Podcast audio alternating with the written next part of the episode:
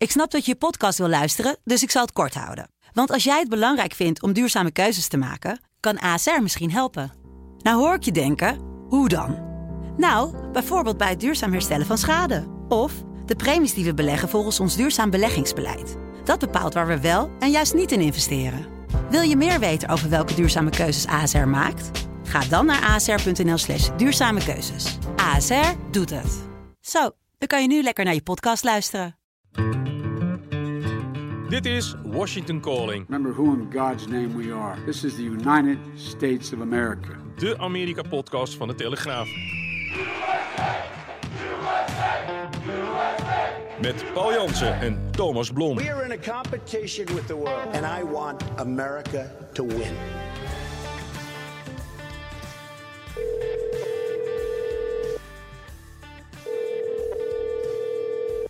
Goedemorgen, we zijn begonnen aan de eerste aflevering van de nieuwe Amerika-podcast van de Telegraaf. eh, waarin we wekelijks de afgelopen Amerikaanse week gaan bespreken.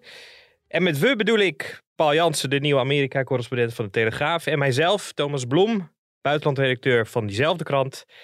Paul, jij bent nu een maandje ongeveer in Amerika aangekomen. Eh, Kan je heel kort eh, beginnen, even vertellen wat, wat je eerste indrukken waren? Heb je een warm welkom gehad van Amerikanen? Ja, het is eh, overweldigend. eh, niet zozeer het warme welkom van de Amerikanen, want dat, er wacht er toch nog een behoorlijke papierwinkel hier als je als, eh, als vreemdeling eh, dit land binnenkomt voor iets langer dan een vakantie. Maar dat hoort er allemaal bij. Ja, het is allemaal, allemaal overweldigend hier. Het is groots en meeslepend hè? op vele gebieden. Hoe sport wordt beleefd. De sportwedstrijden zijn echt festijnen. Maar ook hoe politiek wordt bedreven. Het is echt de politiek van de slaande deuren. Zeker in deze tijd. Maar denk ook eh, ja, hoe, hoe onze vakgenoten hier, eh, de nieuwsmedia, hoe die verslag doen van allerlei gebeurtenissen. Het regent hier elke dag breaking news, eh, van groot tot klein. Met toeters en bellen en eh, ja, fascinerend. Dus ik, ik waan mij een beetje in de journalistieke snoepwinkel. Dat kan ik me goed voorstellen. Het was deze week natuurlijk ook echt een bijzondere week voor de Amerikanen, denk ik. Hè? 22 jaar geleden, 9-11, Ja. de herdenking daarvan. Eh, ik, ik moet zeggen, aan deze kant lijkt het toch wel erop dat het iedere keer iets minder aandacht voor is. Eh, hoe was dat bij jou? Blijven die Amerikanen nog steeds zo fanatiek herdenken als, als, als in het begin? Ja, dit is echt een nationaal trauma. Dus 9-11, dat wordt elk jaar wordt dat, eh, serieus eh, herdacht. In de media, eh, ik heb natuurlijk weinig referentiekader, omdat ik hier zelf nog maar Mm. net zit. In de Amerikaanse media kan ik me voorstellen, want het is niet super groot. Maar er wordt wel el- elk jaar natuurlijk aandacht aan besteed. Maar toch wel wat opviel is eh, dat dit jaar eh, de president verstek liet gaan bij die herdenkingsceremonie Hmm. in Manhattan. En dat was met name wel een, een, een ding. De president die kwam na de G20 via een staatsbezoek in Vietnam, maakte hij een tussenlanding in Alaska. En daar heeft hij een herdenkingsbijeenkomst eh, met militairen bijgewoond. En hij stuurde zijn eh plaatsvervanger eh, Kamala Harris eh, naar, naar New York. En ja, dat viel niet overal even lekker. Ik dacht dat ik nog iets las dat, dat Giuliani uit protest daarom weggebleven was, geloof ik, bij de herdenking. Nou, het was, er was in ieder geval heel veel gedoe rond eh, eh, burgemeester Adams, ook een democraat, Ja. die overhoop ligt met eh, de Biden-regering over de migrantencrisis die momenteel hoog opspeelt in New York. En ja, je weet dan nooit op zo'n moment, is het nou alleen politieke frictie of speelt hier ook mee dat media daar natuurlijk een Mhm. beetje likkebaarden naar staan te kijken van hé, hey, de, de twee mannen moeten tijdens zo'n ceremonie naast elkaar staan. En wat zal er dan allemaal besproken worden hierover? Maar goed, Biden liet verstek gaan. Dus dat nieuwsmoment ging daarmee ook eh, voorbij. Maar er was hier eh, veel over, over eh, te doen.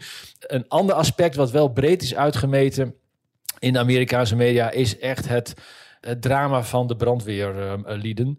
Zoals je weet zijn er honderden brandweermannen Ja. omgekomen bij eh, de aanslagen op 9-11. Velen ook die toen in die towers op weg waren naar boven om eh, mensen die eh, na, na de inslagen van de vliegtuigen vastzaten, om die te bevrijden. En ja, toen stortten die gebouwen in en er zijn ruim 300 brandweermannen zijn toen om het leven gekomen. Inmiddels is het aantal collega's dat na de aanslagen uh, intussen is uh, in, de, in, in die 22 jaar is uh, overleden als gevolg van allerlei ziektes zoals longaandoeningen en kanker die in verband worden gebracht met giftige rook en, en andere zaken die op die ground zero plek uh, zijn ingeademd. Um, het aantal slachtoffers daarvan is inmiddels bijna net zo hoog. Onder de brandweermannen bedoel je dus? Ja, onder de, onder de brandweermannen. En dat, dat feit, ja, dat hakte wel in hier bij de Amerikanen. Ja, dat geloof ik. Dan blijven ze nog elke dag, of in ieder geval ieder jaar, nog steeds geconfronteerd met de gevolgen van die hele zware, zware Dat is ongelooflijk. Zijn dit, af, het afgelopen jaar zijn er weer, uh, er is een klein plakkaat bij die, die, gedenkplek ook. En daar zijn het afgelopen jaar 43 namen van uh, hulpverleners, van brandweerlieden, zijn daar weer aan toegevoegd. Die zijn overleden aan de gevolgen van ernstige ziektes die ze hebben opgedaan uh, ja, tijdens hun reddingspogingen. Ja, stil drama nog steeds. Ongelooflijk. Paul, er is verder naast 9-11, uh, tenminste de herdenking van 9-11 natuurlijk een hoop gebeurd deze week. We gaan het erover hebben. Deze podcast, uh, zo stopt er een bekende politicus. Er zijn weer vragen gesteld over de gesteldheid van Biden. En er dreigt ook weer, uh, ja, weer eens een impeachmentprocedure. House Speaker Kevin McCarthy is launching a formal impeachment inquiry into President Biden. The Republican congressman announced yesterday that he's directing three House committees to open the investigation, further probing the Biden family's foreign business dealings. Ja, we horen daar net het, het nieuwsbericht dat eh, Kevin McCarthy een impeachmentprocedure begint, of tenminste de, de eerste stappen zet. Wat is daar nu precies gaande? Ja, het gaat om een uh, impeachment onderzoek. En dat is inderdaad de eerste stap naar een mogelijke afzettingsprocedure. Nou, een aantal, aantal belangrijke kanttekeningen bij dit onderzoek. Uh, inhoudelijk kan je zeggen van ja, er zijn een reeks hoorzittingen geweest in het Huis van Afgevaardigden na de financiële handel en wandel van de Biden-familie. Die concentreerden zich natuurlijk met name op zo'n Hunter Biden, die in Oekraïne, in Rusland en in China uh, nou, toch wel schimmige zakendeals heeft gesloten. En uh, is inmiddels duidelijk geworden, daarbij uh, niet zelden gebruik heeft gemaakt van de positie van zijn vader. Hè, Joe Biden mm -hmm. werd als vicepresident onder Obama tientallen keren op de luidspreker gezet door Hunter om zakenpartners ja, ofwel onder druk te zetten dat ze maar beter door de pomp konden gaan, ofwel te imponeren. Het is ook bekend dat uh, Hunter Biden meevloog uh, tijdens officiële trips van zijn vader naar China, bijvoorbeeld. En dan is de vraag natuurlijk van ja, maar wat ging hij daar dan vervolgens doen? En zijn die, zijn die twee agenda's wel uit elkaar gebleven? Dus nou ja, die hoorzittingen die uh, hadden heel veel tromgeroffel teweeggebracht, maar weinig feiten van echt misstanden aan het licht gebracht. Wel veel verdachtmakingen. Die zijn natuurlijk vandaag de dag in de Amerikaanse politiek bijna net zo invloedrijk ja. dan, dan feiten van misstanden. Dat weten we nog wel van de Democraten zelf, die natuurlijk ten tijde van Donald Trump dat ook hebben geprobeerd. Uh, die is ook geïmpeached en daar is natuurlijk met name Russiagate jarenlang uh, heeft dat hier in de Amerikaanse politiek opgespeeld. Is ook een heel onderzoek gestart. Nou ja, en die eerste impeachment draaide ook om, om gedoe in Oekraïne. Ja, en uiteindelijk is die, is die hele Russiagate met name, daar is natuurlijk niks van bewezen gebleven. Maar dat heeft wel een schaduw geworpen over het presidentschap van Donald Trump. Nu uh, tikken de, de Republikeinen met hetzelfde beltje richting een democratische ja. president. En waarom dan dit impeachment-onderzoek? Nou, als je zo'n onderzoek start, heb je meer bevoegdheden. Dus dan, dan eh, misschien herinner je dat nog eerder dit jaar was er gedoe over een document van de FBI, waarin een klokkenluider zou hebben gezegd dat Biden miljoenen zou hebben opgestreken bij een van die omstreden deals. FBI wilde daar verder uh, niets aan prijsgeven. Nou, door zo'n impeachment onderzoek te starten, krijgt het congres meer bevoegdheden om dat soort zaken boven water te halen. Maar er spelen ook nog, uh, zoals altijd in de politiek, een aantal andere agenda's. En waar je aan moet denken is dat Kevin McCarthy, de voorzitter van de Republikeinse voorzitter van het Huis van Afgevaardigden, zelf onder vuur ligt van zijn eigen rechterflank binnen de Republikeinse partij. En hij eigenlijk deze stap zou hebben gemaakt om die rechterflank van zijn partij een beetje um, ja, binnenboord te houden. Ja, die, die rechterflank die verweten hem eerder hè, dat hij eigenlijk te zwak was geweest tegen Biden in, in onder meer in, in de ja. onderhandelingen over budget. Daar liep hij uh, te makkelijk over zich heen lopen volgens hen. En dit zou dan wellicht Kevin McCarthy zijn die zegt: Ik ben toch heel streng tegen Biden. Ja, en waarom is die timing dan weer van belang? Omdat per 1 oktober er weer een termijn verstrekt in dat langlopende budgetdiscussie. En um, ja, deze stap van uh, McCarthy moet dan inderdaad ook ja, aan zijn eigen rechterflank laten zien dat hij wel stevig kan zijn. En hem ook eigenlijk wat ruimte geven ja. om misschien straks wel weer door de pomp te gaan met een nieuwe deal rond uh, dat uh, begrotingstekort.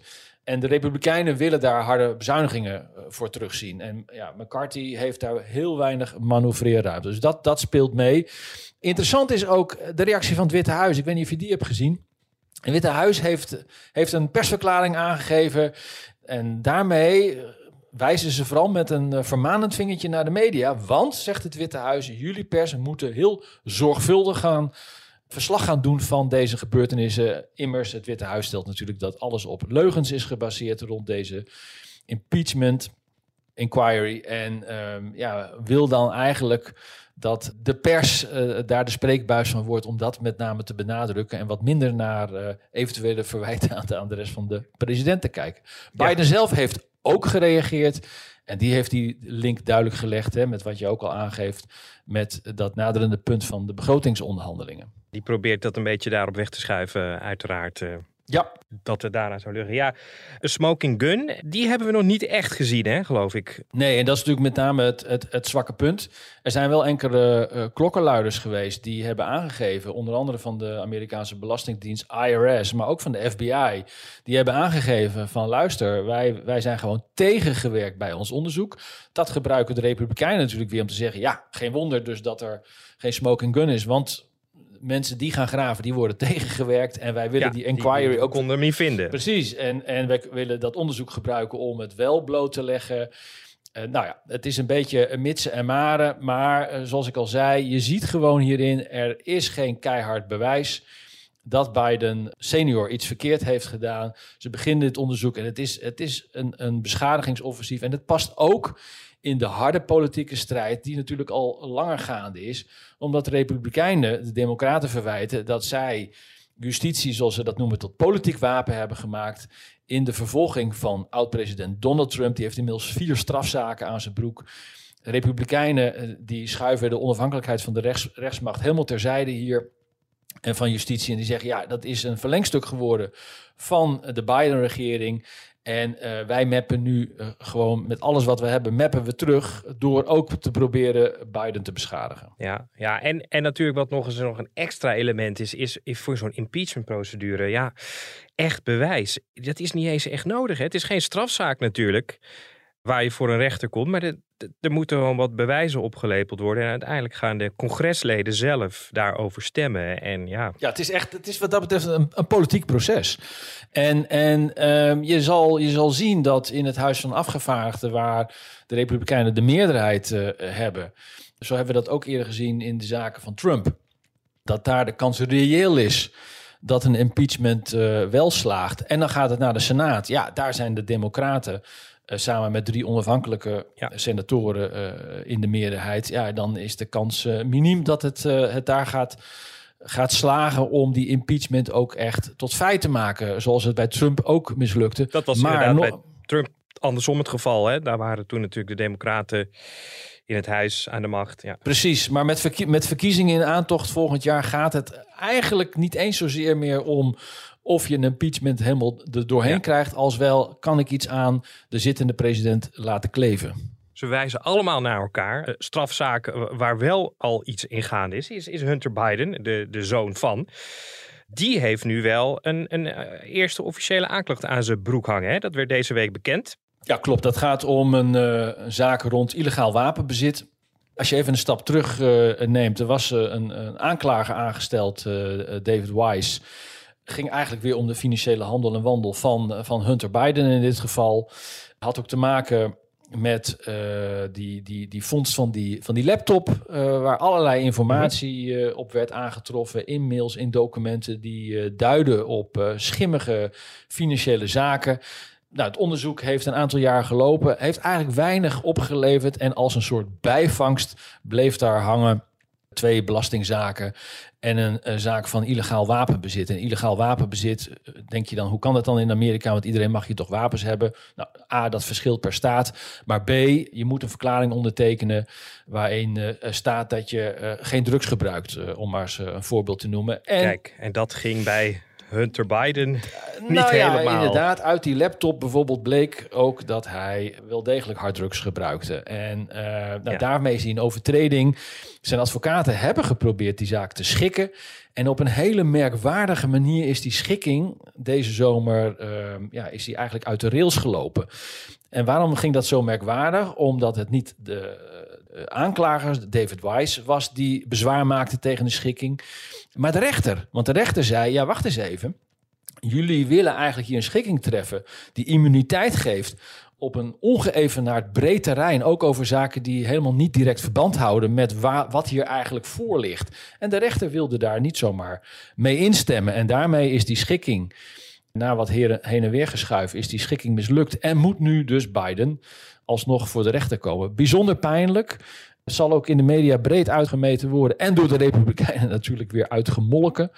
Maar uiteindelijk blijft dit bijvangst, want het gaat de Republikeinen uiteindelijk om de zakelijke belangen van de Biden-familie. Waarbij niet onbelangrijk ja. is, Thomas, dat inmiddels, ik geloof 60% van de Amerikanen ook denkt dat president Biden wel iets meer weet van de, van de deeltjes van zijn zoon dan die wil doen geloven. En zo zie je maar weer dat, uh, ook al is er op dit moment geen hard bewijs gevonden, het gaat toch in de hoofden van mensen gaat het, uh, een rol spelen. Het gaat, ja, het gaat toch, toch kleven. Absoluut. Of het helemaal als teflon van zijn schouders afzakt.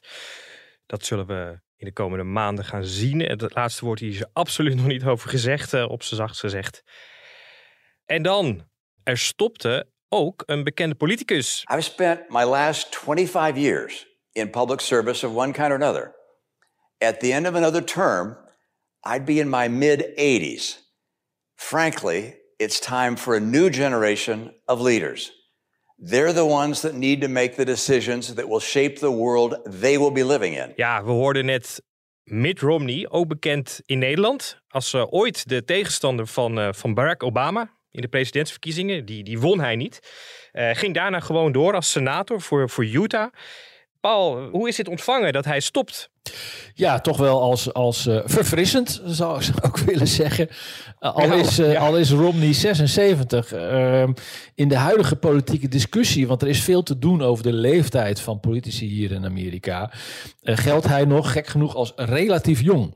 76 jaar, heeft gezegd, het is, ja. het is mooi geweest. Als ik namelijk doorga, dan ben ik ergens in de, in de 80. nou ja, laat nou net dat de discussie zijn rond president Biden een tachtiger, maar ook Donald Trump, die inmiddels uh, 77 is. Nancy Pelosi, voornaam democraten, heeft uh, eerder deze maand ook gezegd... ik wil nog wel een termijn door. Zij is inmiddels al 83. En dan is daar natuurlijk uh, de minority leader in de Senaat, Mitch McConnell... die al twee keer hier echt het nationale nieuws frontaal haalde op een manier die hij niet zou wensen, uh, doordat hij tijdens persconferenties twee keer bevroor. En uh, ja, dan krijg je een tafereel dat na de hand artsen zeggen, we hebben onderzoek gedaan, er is allemaal niets aan de hand. Maar mensen hebben toch zoiets van, ja, wat is hier gaande? En dat uh, wordt steeds meer een issue. Er blijkt ook uit een peiling dat een meerderheid van de Amerikanen eigenlijk zegt, er moet een leeftijdsgrens komen voor politici, want ze worden, ze worden te oud. En het interessante aan die, die peiling is ook dat het ook zowel Republikeinen als Democraten betreft, hè, die dit Zeker. beginnen te vinden. Ja, en, en ook wat betreft Biden. Hè, de vraag is die natuurlijk heel erg opspeelt hier is, uh, moet Biden nou eigenlijk wel opgaan voor een tweede termijn? Nou, uh, Democraten die zijn toch wel hem echt aan het pushen omdat zij denken dat hij het beste wapen is tegen een opkomst van Trump, waarvan iedereen toch wel verwacht, ondanks alle onzekerheden die het komende jaar ook op strafrechtelijk gebied nog spelen. Maar Trump staat in de peilingen onder uh, republikeinse hebben zo ver voor dat de goede gemeente er wel van uitgaat dat hij die republikeinse genomineerde zou kunnen gaan worden. En dan zien zij toch als Biden als de sterkste troef om te voorkomen Uh, want dat is natuurlijk uh, de, grootste angst van uh, liberal Amerika, dat Trump weer terug zou kunnen keren in het Witte Huis. Tegelijkertijd vinden veel mensen, en ook democraten, die zeggen, als je ze vraagt van ja, ik vind hem eigenlijk, vind ik Biden toch wel te oud. En ja, die laat daar ook bij herhaling, geeft hij daar blijk van, dat hij niet altijd meer even scherp is zoals je mag, mag verwachten van de commander-in-chief. Nee, nee. Dat is inderdaad meteen een heel mooi bruggetje naar, jou, naar jouw mediamoment van de week. Ja. Uh, laten we luisteren. Uh, John, um, in the past couple of weeks, the president has lied about being at ground zero the day after the September 11th attacks. Falsely claimed he saw the Pittsburgh bridge collapse. What is going on with the president? The president uh, was deeply touched and honored to be able to spend 9 11 with uh, military members there in Alaska and some families.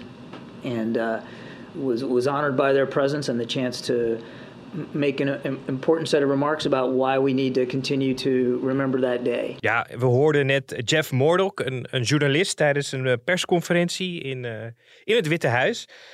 Aan de woordvoerder vragen van ja, wat is er nou toch met Biden aan de hand? Uh, allerlei rare uitspraken, dingen die niet waar zijn, uh, die hij beweert. En wat dan helemaal mooi is, is, is die, die ja, woordvoerder, John Kirby, die daar prachtig omheen draait uh, en, uh, en zijn antwoord paraat heeft. Ja, ik, ik, want ik, ik, toen die vraag kwam van die verslaggever van de Washington Times, dacht ik echt van oei, wat ga je hier nou op zeggen? Want uh, als, je, als je hem inhoudelijk beantwoordt, zijn er eigenlijk maar twee smaken. Of je zegt Biden is te oud, of je zegt Biden liegt. Beide zijn natuurlijk niet heel erg ja. fijn. Dus, maar Kirby die danst hier behendig bij weg door, door eerst te beginnen over dat de president zo betrokken is en zo. En, en hij geeft uh, daarna natuurlijk helemaal geen antwoord meer op de. Uh, geen inhoudelijk antwoord meer, althans, op de, op de gestelde vraag. Maar dit is wel een. een een belangrijk issue uh, hier in, in, in Washington en ook elders in het land. Want Biden is, heeft inmiddels een dubieus track record opgebeld, gebouwd van allerlei uitspraken die gewoon onjuist blijken. En ja, de media zijn daar ook uh, steeds meer op, het, op aan het aanslaan. Er was natuurlijk zeker onder uh, zijn voorganger Trump. Er werden hele lijsten bijgehouden van alle onwaarheden die uh, de Republikein destijds verkondigden. En nou, Biden, weliswaar van een andere orde, maar heeft inmiddels ook wel een handje van. Een reputatie is hij aan het opbouwen dat zijn beweringen toch wel even gecheckt moeten worden. Hè? Inderdaad, over 9-11. Ik was de dag daarna was ik op Ground Zero, beweerde die. Nou, bleek niet te kloppen. Over een, uh, over een ingestorte brug bij Pittsburgh, over zijn grootvader. Maar ook uh, eerder dit jaar tot woede van nabestaanden van uh, soldaten die in Irak zijn gestorven, beweerde Biden dat zijn zoon ook in Irak was omgekomen. En zijn zoon was weliswaar militair oorlog, gedecoreerd oorlogsheld, maar stierf een dramatische dood aan kanker. Uh, en dus niet uh, op het slagveld uh, in Irak. En dat neem ik aan, dat is natuurlijk voor die Amerikanen is dat, is dat ook, ja, dat is een doodzonde ja. als je iets over een veteraan zegt dat niet waar is. Ja, en je vraagt je ook af waarom, waarom doet hij dat? En doet hij dat, is dat nou in essentie iets wat te maken heeft met die discussie waar we het net over hadden van ouderdom? Nee, zeggen dan heel veel uh, mensen hier. Ja, maar, ja, sorry dat ik je ontbreek, Paul. Want je zou natuurlijk kunnen zeggen, hij, hij had het even... Het, het, leek er een beetje op. Uh, hij, hij, wist het gewoon even niet zo goed meer... waar hij nou precies aan overleden is. Nee, dat is natuurlijk geen fijn signaal... als je, als je voor herverkiezing zou op, nee. willen opgaan... dat je het even niet meer uh, helder hebt. Juist omdat het zo vaak gebeurt. Maar wordt hier in Amerika gezegd... Uh, dit is niet zoiets, een, een, een, incident van de laatste tijd. Dit is structureel mm -hmm. bij Biden. Die neemt het namelijk niet zo nauw, is dan de kritiek, met de waarheid. En dan wordt altijd een roemrucht filmfragment uit de jaren tachtig, nog te vinden op YouTube, teruggehaald. Waarin Biden een kritische vraag krijgt van een kiezer. En uh, die man vervolgens de oren wast door te zeggen: Ik ben slimmer dan jij. En dan begint hij op te lepelen hoe goed hij in zijn klas was, welke studies die heeft gedaan, op welke universiteit. En daar blijkt ook weinig van te kloppen. En dat is dan ook in het nieuws destijds geweest. En dan hebben we het dus over 1987. Dus uh, dat wordt weer aangehaald om te zeggen: dit past in een patroon van deze president, die gewoon het niet zo nauw neemt met de waarheid. En dat is ja, minstens zo zorgelijk als iemand die ze misschien niet allemaal meer op een rijtje heeft als commander-in-chief. Paul, heb je iets breder dan, dan Biden? Is er, is er eigenlijk een, een, een verklaring te geven waarom de Amerikaanse politiek zo vol zit met ja, deze mensen op, uh, nou, laten we zeggen, respectabele leeftijd, uh, waar ze uh, meestal achter de granium zitten, maar toch in Washington gewoon nog vrolijk rondlopen op de gangen van, van, van het Capitool. Ja, ik heb me dat ook afgevraagd, met name omdat we natuurlijk in, in Nederland zien dat politici bij bosjes de deur uitrennen als ze in de 40 en 50 zijn. Precies. En hier in Amerika zijn ze niet van plus weg te slaan. dus ik vroeg dat ook aan een professor van de universiteit hier in Georgetown. En die gaf daar wel een uh, plausibele reden voor. Naast natuurlijk het, het bekende ja, eh, ego, uh, dat speelt allemaal mee. mensen willen, willen graag macht houden en invloedrijk zijn. Maar er speelt ook een hele andere belangrijke factor hier in de Amerikaanse politiek. En dat is namelijk dat belangrijke, dat gaat dan om congresleden, dat belangrijke posities belangrijke politieke posities. Die worden hier verdeeld in, in commissies. Uh, aan de hand van het aantal dienstjaren dat je hebt. dus als jij heel lang meedraait in de Senaat of het Huis van Afgevaardigden, dan kom je automatisch in aanmerking voor voorzitterschappen van allerlei uh, comité's. Uh, van dat huis en van die Senaat.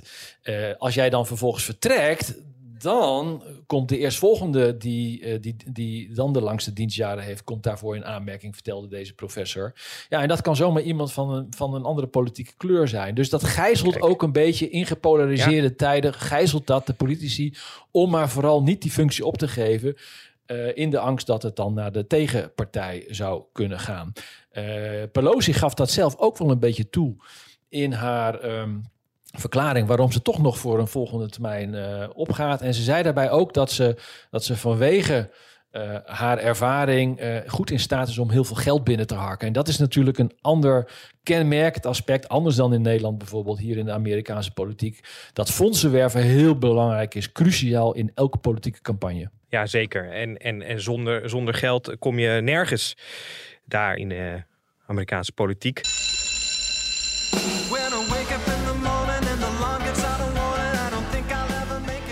Ja, Paul, we hoorden daar net de intro van een hele bekende oude tv-serie waar ik nog naar heb gekeken toen ik op de middelbare school zat.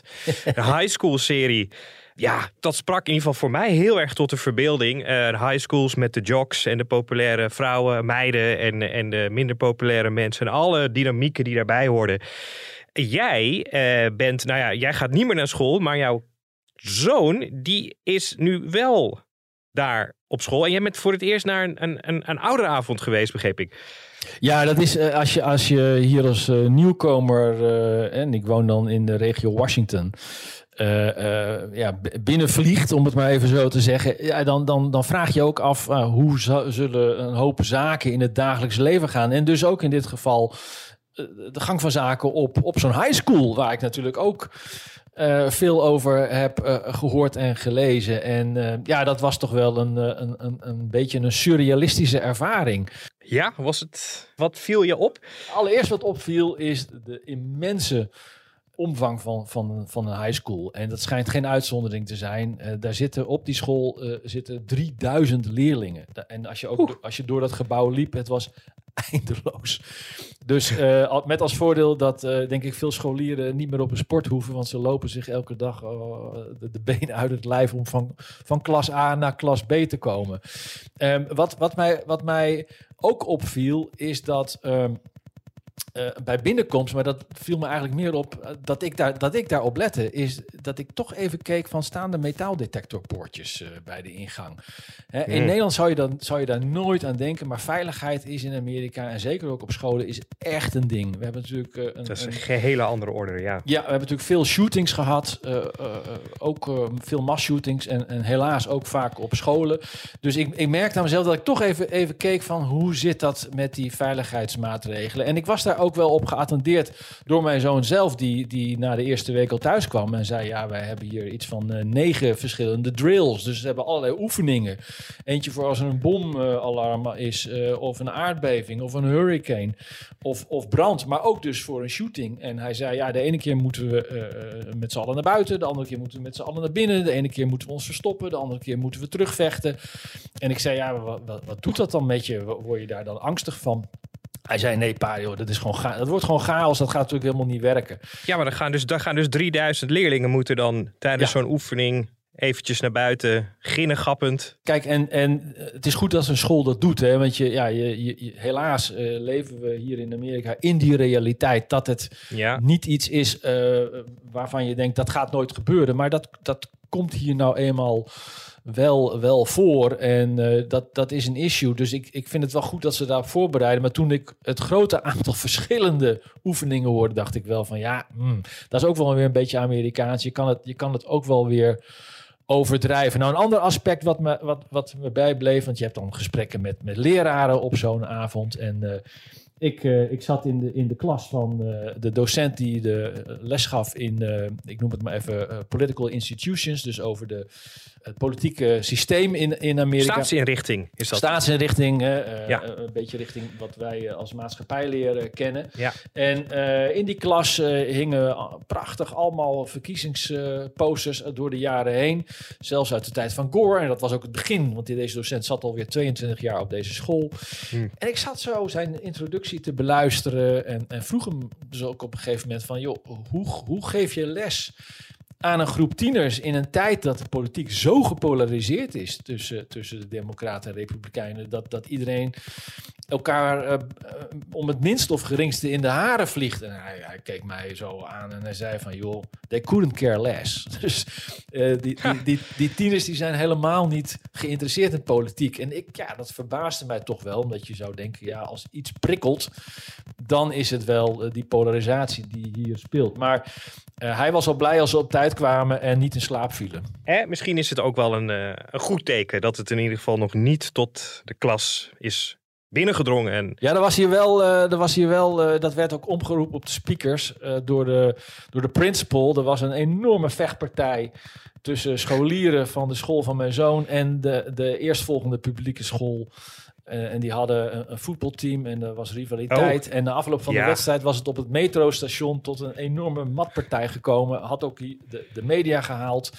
En ehm, de, de principal, eh, de directeur, die eh, ging dan, terwijl alle ouders aanwezig waren op school, toch even een preek houden dat eh, dit is toch niet wie wij zijn, weet je wel. En dat was, Ah, ja. dat was dan wel weer een mooi, eh, een mooi staaltje van, eh, ja, hoe, hoe proberen we ons hier eh, de, schaamte, de schaamte voorbij eh, te praten. Maar het blijft, het, zo, dit land blijft wat dat betreft verrassen. Het, het lijkt allemaal iets anders ook. Het lijkt allemaal, als je, als je hier rondrijdt, lijkt het allemaal heel gemoedelijk en zo. En wij waren laatst met Amerikaanse vrienden ook in de buurt. Ergens eh, kwamen we van een restaurant en toen moest ik even, even tanken. En toen zei ze, oh ja, oh ja bij dit, bij dit, bij dit tankstation zijn, eh, zijn mensen doodgeschoten door de DC Sniper. Dat, ik weet niet of je dat nog herinnert, maar Oef, ja, Dat- ja dat- zeker. dat is alweer een tijd terug. Dat was een eng eh, verhaal. dat er een, eh, een, een, een sluipschutter rondwaarde in de regio Washington, die daar zeven mensen heeft vermoord en nog zeven anderen heeft verwond. En, en dat zijn van die momenten dat je, dat je in één keer schrikt van, oh jee, het is hier toch allemaal ja, een beetje dubbel. Dat geldt voor die scholen, Ja. dat geldt voor, voor, voor de gemoedelijkheid die op, de, op, het eerste gezicht hier in de omgeving hangt. Maar eh, je, je snapt dan wel iets van, van de waakzaamheid van de Amerikanen. Eh, voor mij toch niet een reden om een wapen aan te schaffen trouwens. Ik geloof dat het ook, ik geloof dat het ook niet mag als buitenlander. Dat, ja, nou, dat hangt denk ik ook weer van de plek af waar je bent. Maar in Washington is het volgens mij inderdaad eh, allemaal niet zo makkelijk om dat te doen. Ja, de raafveranden van de maatschappij zijn, zijn altijd dichtbij in, in Amerika, is het idee. Zeker. Paul, we zijn eigenlijk aan het eind van de, van de eerste podcast gekomen. Tot slot, volgende week, wat heb je op de agenda staan? Ga je nog ergens naartoe? Ja, het nieuws laat zich moeilijk dicteren, maar we weten in ieder geval wel dat volgende week het vergadercircus bij de Verenigde Naties in New York gaat beginnen. Premier Rutte ehm, komt daar ook wel kort deze keer, want het is natuurlijk eerst Prinsjesdag en daarna de algemene beschouwingen. Dus hij heeft alleen de vrijdag om in, New York nog eh, eh, aanwezig te zijn en te netwerken. Eh, New York is vooral het netwerken achter de schermen op dat internationale toneel met al die regeringsleiders en staatshoofden is, is, is heel belangrijk. Eh, Rutte zal daarbij aanwezig zijn en eh, ik zal daarvan eh, verslag gaan doen voor zover ik op gepaste afstand het allemaal kan volgen. Kijk, nou, dat is een mooi vooruitzicht. Ik, ik hoorde dat Zelensky ook langs gaat komen. Dus Ja. alle groten der aarde van dit moment zullen daar waarschijnlijk allemaal handjes met elkaar gaan schudden. Jij bent daarbij.